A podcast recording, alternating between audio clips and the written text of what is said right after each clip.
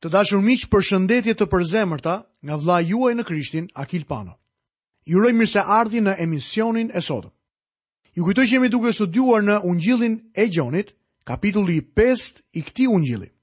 Sot do të vazhdojmë në të njëjtin kapitull studimin tonë dhe do ta nisim në vargun e 40 të këtij kapitulli. Jezusi tha: Por ju nuk doni të vini tek unë që të keni jetën. Shohim që shkrimet flasin për Krishtin, por krerët fetarë nuk duan të shkojnë tek ai.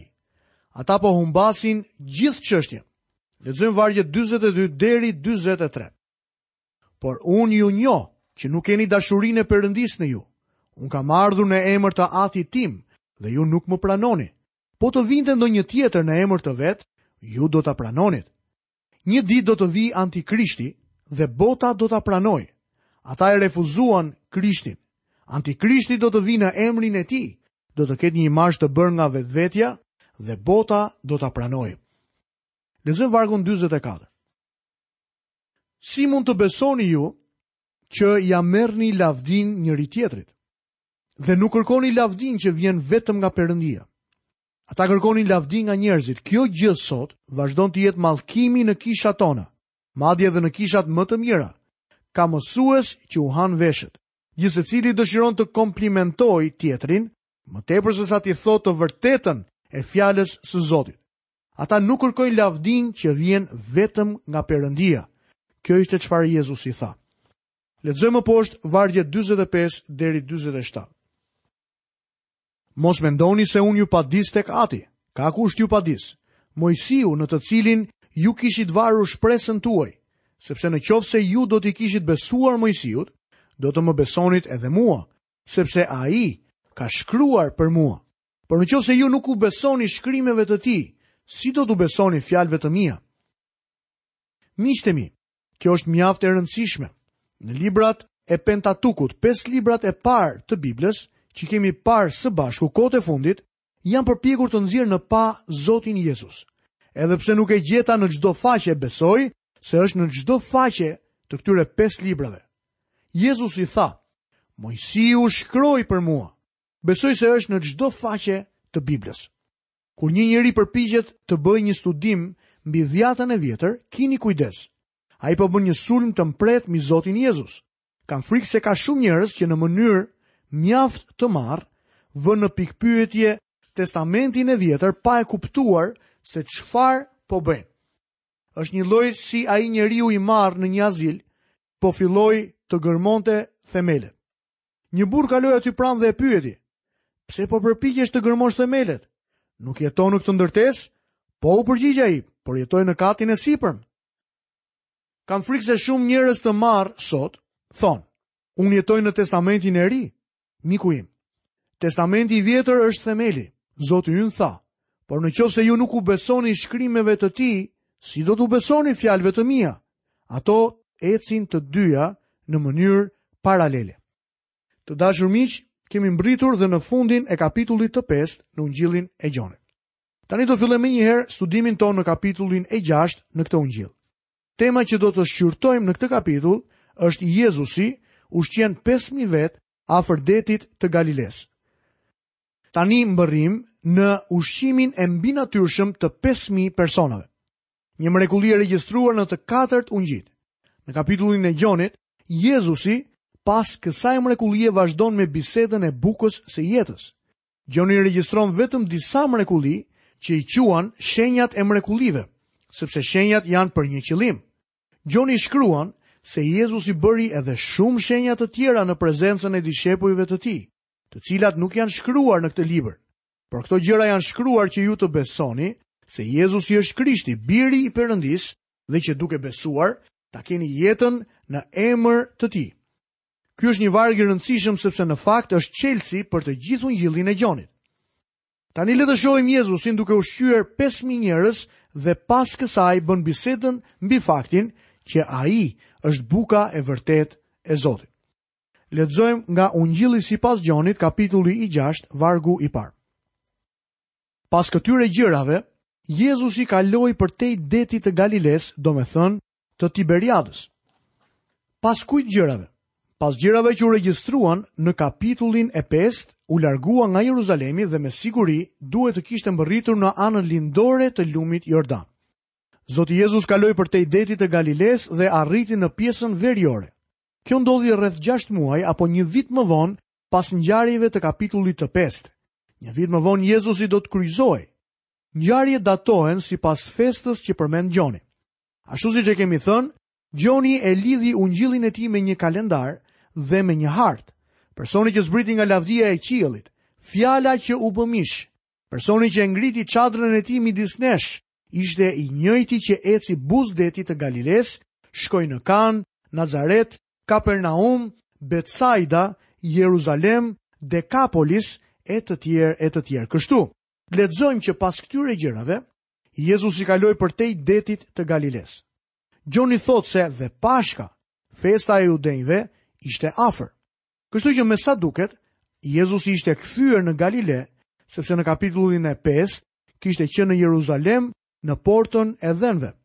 Kjo tregon se ka kaluar një interval i konsiderueshëm kohe midis kapitullit të 5 dhe të 6, kur ai kishte kaluar përtej detit të Galilesë. Lexojmë në vargun e dytë. Dhe një turmë e madhe e ndiqte sepse shikonte shenjat që ai bënte mbi të lënguarit. Koha e foljes do të ishte më e saktë nëse do të ishte përkthyer kështu. Një turmë e madhe po e ndiqte atë dhe sepse po e shikonte mrekullitë e tij. Kjo turmë e madhe në fakt nuk besonte në Jezusin. Ata ishin të interesuar vetëm për mrekullitë që Krishti bënte. Ata e dëshironin vetëm sepse mund t'i bënte të ndiheshin mirë. Miqtë e mi, Misioni i Zotit Jezu Krisht nuk ishte të shëronte trupat tanë fizikë. Ky ishte vetëm njëri prej aspekteve të shërbesës së Jezusit. Ai dëshironte të ishte Zoti i zemrave tona. Kjo është arsyeja pse Gjoni tha që në fillim se ai nuk kishte nevojë që ndokush tjetër të jepte dëshmi për njeriun sepse ai e dinte ç'kishte përbrenda njeriut. Jezusi nuk i besoi asaj turme në Jeruzalem dhe nuk i beson as kësaj turme që është mbledhur rreth tij. Ata duan vetëm të shikojnë mrekullitë që ai bën. Lexojmë vargun e tretë. Por Jezusi u ngjit mbi malin dhe atje u ul me dishepujt e tij.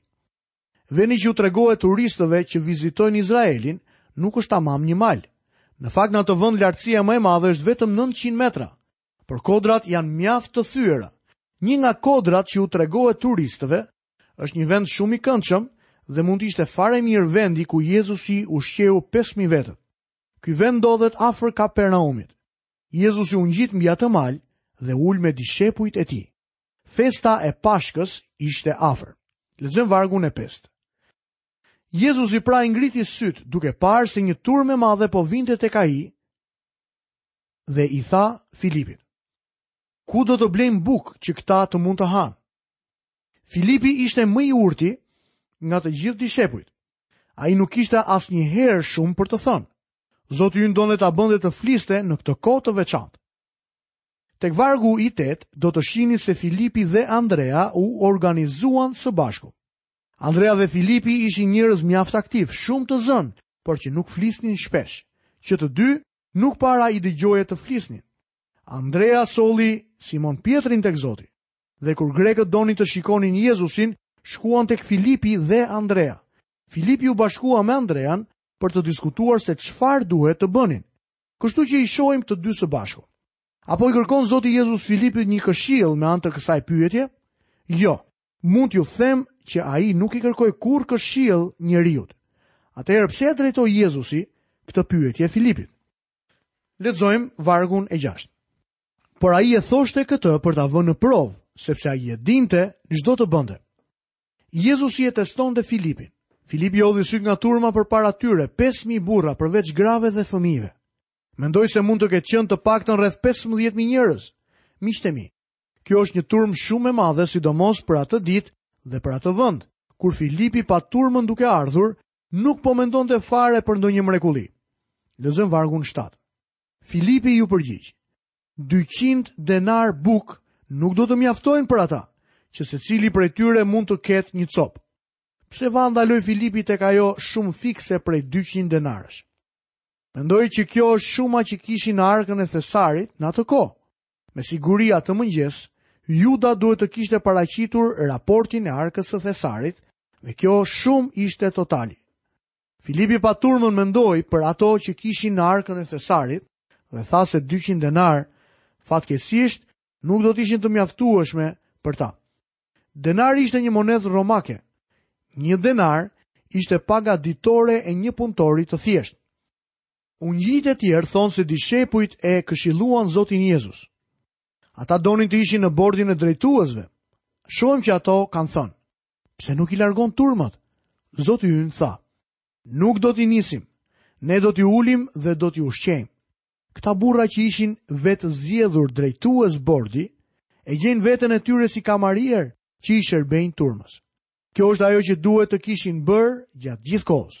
Meqenëse ra fjala, ka shumë njerëz në kishat e sotme që kërkojnë një pozitë. Këta njerëz duan të kenë një post, të jenë në bordin e drejtuesve.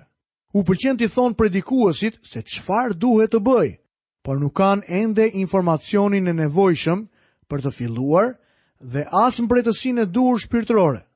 Nuk e kuptojnë se janë personat që duhet të jenë jashtë duke shërbyer. Ata duhet të jenë dëshmitarë për Zotin duke u dhënë bukë turmave të uritura, por në përgjithësi, u pëlqen të këshillojnë pastorin se çfarë duhet të bëjë. Kështu pra Zoti ynë po përpiqet ta bëjë të flasë Filipin dhe Filipi thotë se nuk kanë para të mjaftueshme për të blerë bukën për të cilën kishin nevojë. Meqenëse Filipi dhe Andrea janë bashkë, atëherë Andrea fillon të flasë. Lexojmë vargun e 9. Këtu është një djalosh që ka pesë bukë elbi dhe dy peshq të vegjël, Por ç'janë këto për kaq njerëz?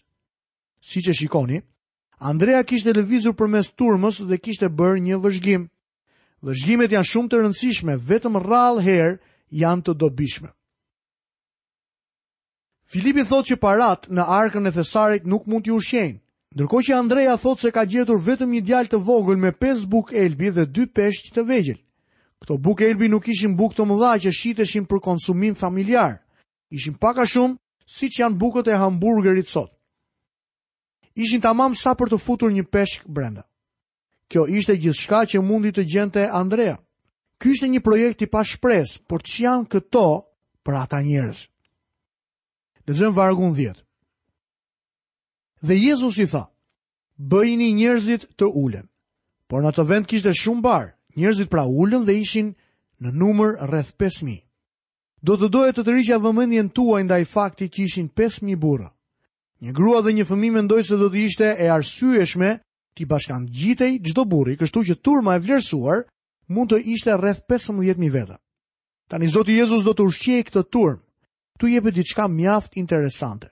Kur ke 15000 njerëz për të ushqyer, atëherë ti ke një përgjegjësi të madhe. Nëse ke vetëm 5 bukë, 2 peshq dhe 200 denarë, atëherë kjo është e gjithë pasuria jote. Mendoj se nëse një komitet do të kishte trajtuar këto pasuri dhe përgjegjësinë për ushqimin e atyre njerëzve, atëherë ata do të kishin thënë: "Më vjen keq, por nuk mund të bëni dot asgjë." Dikush e ka quajtur komitetin apo grupin e këtyre njerëzve individë që individualisht nuk mund të bëjnë asgjë dhe që së bashku mund të vendosnin që nuk mund të bëhej asgjë. Raporti i komitetit do të ishte, të ushqyerit e tyre është i pamundur. Në këtë ekuacion, keni nevojë për atë që unë e quaj matematika e mrekullisë. Ti ke nevojë për Zotin Jezu Krisht. Nëse ke vetëm 5 bukë dhe 2 peshq, plus Jezusin, atëherë ke gjithçka miku im. Ndërsa pa Jezusin nuk ke asgjë. Zoti Jezus u tha që të ulnin njerëzit dhe dishepujt e tij i ulën. Marku në ungjillin e tij thekson faktin që ata u ulën të ndarë sipas vendeve nga të cilat kishin ardhur. Ata mund të dalloheshin nga ngjyra e rrobave të çdo zone të veçantë. Çdo gjë që bëri Zoti ynë ishte shumë modeste dhe e rregullt. Çdo grup i vogël ishte një ngjyrë në sfondin e gjelbër të barit.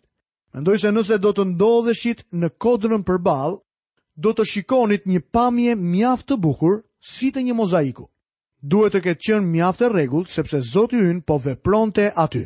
Lexojmë vargun 11 deri në vargun e 13. Pastaj Jezusi mori bukët dhe pasi falenderoi, ua ndau dishepujve dhe dishepujt njerëzve të ulur. Të njëjtën gjë bënë edhe me peshqit, aq sa deshën. Dhe mbasi ata u ngopën, Jezusi u tha dishepujve të vet, Mblidhini copat që tepruan, që të mos shkojë dëm asgjë. I mblodhën pra dhe mbushën 12 shporta me copa nga ato 5 bukë prej elbi që u tepruan atyre që kishin ngrënë. Nuk kam për ta harruar kurrë se si një profesor në kohën kur isha student në një kolegj, u përpoq të gjente një shpjegim bindës për këtë mrekulli. Tha se dishepujt i kishin mbledhur këto bukë dhe peshq shumë kohë më parë dhe i kishin futur në një shpellë. Kështu që Zoti Jezus shkoi tek ajo shpellë dhe dishepujt i vendosën pa u vënë re nën krahët e tij të mbuluara me një mantel. Ishte një lloj magjie apo abrakadabra. E vetmja gjë e gabuar në këtë shpjegim ishte se nuk do të funksiononte. Të duhet më tepër besim për të besuar atë sesa çfarë thuhet në Bibël. Sa për të filluar, ku mund të gjenin ata në ato anë një furrë buke që mund të prodhonte aq shumë bukë dhe ku do ta merrnin gjithë atë peshk për këtë rast të veçantë në atë kohë. Ne nuk kemi të regjistruar asgjë që thotë se Andrea dhe Pjetri kishin shkuar për peshk. Siç mund ta shihni, ky shpjegim është absolutisht i pavend dhe qesharak. Shpjegimi i qartë është se këtu ndodhi një mrekulli e vërtetë. Kur i shton pasurive të tua Krishtin, atëherë ke më shumë sesa mjaft. Në të vërtetë ke 12 shporta me ushqim. Dhe ato nuk ishin aspak mbeturina. Ndoshta, një djalosh pasi kishte kafshuar një sanduiç, pa një tjetër më të madh, Kështu që e la të parin dhe mori të dytin, kështu që copat që tepruan mund të kishin qenë të ngrëna pjesërisht. Por kjo nuk është e vërtetë. U mbushën 12 shporta me sanduiç të paprekur fare. A e dini se çfarë do të thotë kjo? Kjo do të thotë që turma hëngri aq sa donte. Njerëzit në atë kohë, në atë vend, ishin mjaft të uritur. Kishte shumë njerëz në atë turmë që atë ditë e mbushën stomakun plot për herë të parë në jetën e tyre. A shikoni sa herë që Zoti Jezus bën diçka, ai e bën mirë. Lexojmë vargjet 14 dhe 15. Atëherë njerëzit kur panë shenjën që bëri Jezusi, thanë: Me të vërtetë, ky është profeti që duhet të vijë në botë. Por Jezusi duke ditur se po vinin ta kapnin për ta bërë mbret, u tërhoq përsëri mbi malin, fill i vetëm. E shihni ata po e ndjekin, sepse Jezusi është mrekullibërësi. Jam i sigurt që Krishti do të kryejë një mrekulli tjetër për t'u çliruar nga turma. Arsyeja pse donte të largohej nga turma ishte sepse ata dëshironin ta bënin mbret. Dikush mund të thotë, pse, a nuk është ai mbret? Po është e vërtetë që Jezusi lindi mbret, por kjo nuk është rruga nëpërmjet së cilës Zoti Jezu Krisht do të mbretërojë. Lexojmë vargjet gjashtëmbëdhjetë deri në vargun njëzet e një.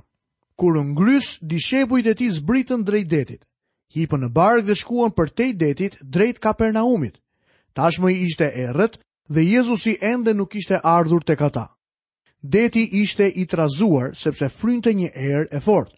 dhe pasi kishin vozitur rreth 25 ose 30 stade, panë Jezusin që po ecte mbi det dhe po i afrohej barkës dhe patën frikë. Por ai u tha atyre, jam unë, mos druani, ata pra deshën ta merrnin në barkë dhe menjëherë barka u bregëzua në atë vend ku ishin drejtuar. Ungjijtë e tjerë na tregojnë që Jezusi i nxiton dishepujt për të hipur në barkë në detin e Galilesë, ndërkohë që vetë shkon në mal për t'u lutur. Meqenëse këto male nuk janë më të larta se nëntëqind metra, papritur fillon prej tyre një stuhi në detin e Galilesë. Kjo ishte një stuhi e vërtetë. Ata ndodheshin 5000 apo 6000 metra, një stad është i barabartë me 201 metra, larg bregut dhe kishin mbërritur vetëm në gjysmë të rrugës. Ndodheshin në mes të detit, kur panë Jezusin të ecte mbi ujë. Ata kishin frikë, sepse nuk e njohën që ishte ai. I njëjti profesor liberal që shpjegoi ushqimin e të 5.000 vetëve, krejtësisht të gabuar, u përpoq të gjente edhe një shpjegim për këtë mrekulli. Ai tha se barka ishte në tokë, kështu që Jezusi po ecte në breg.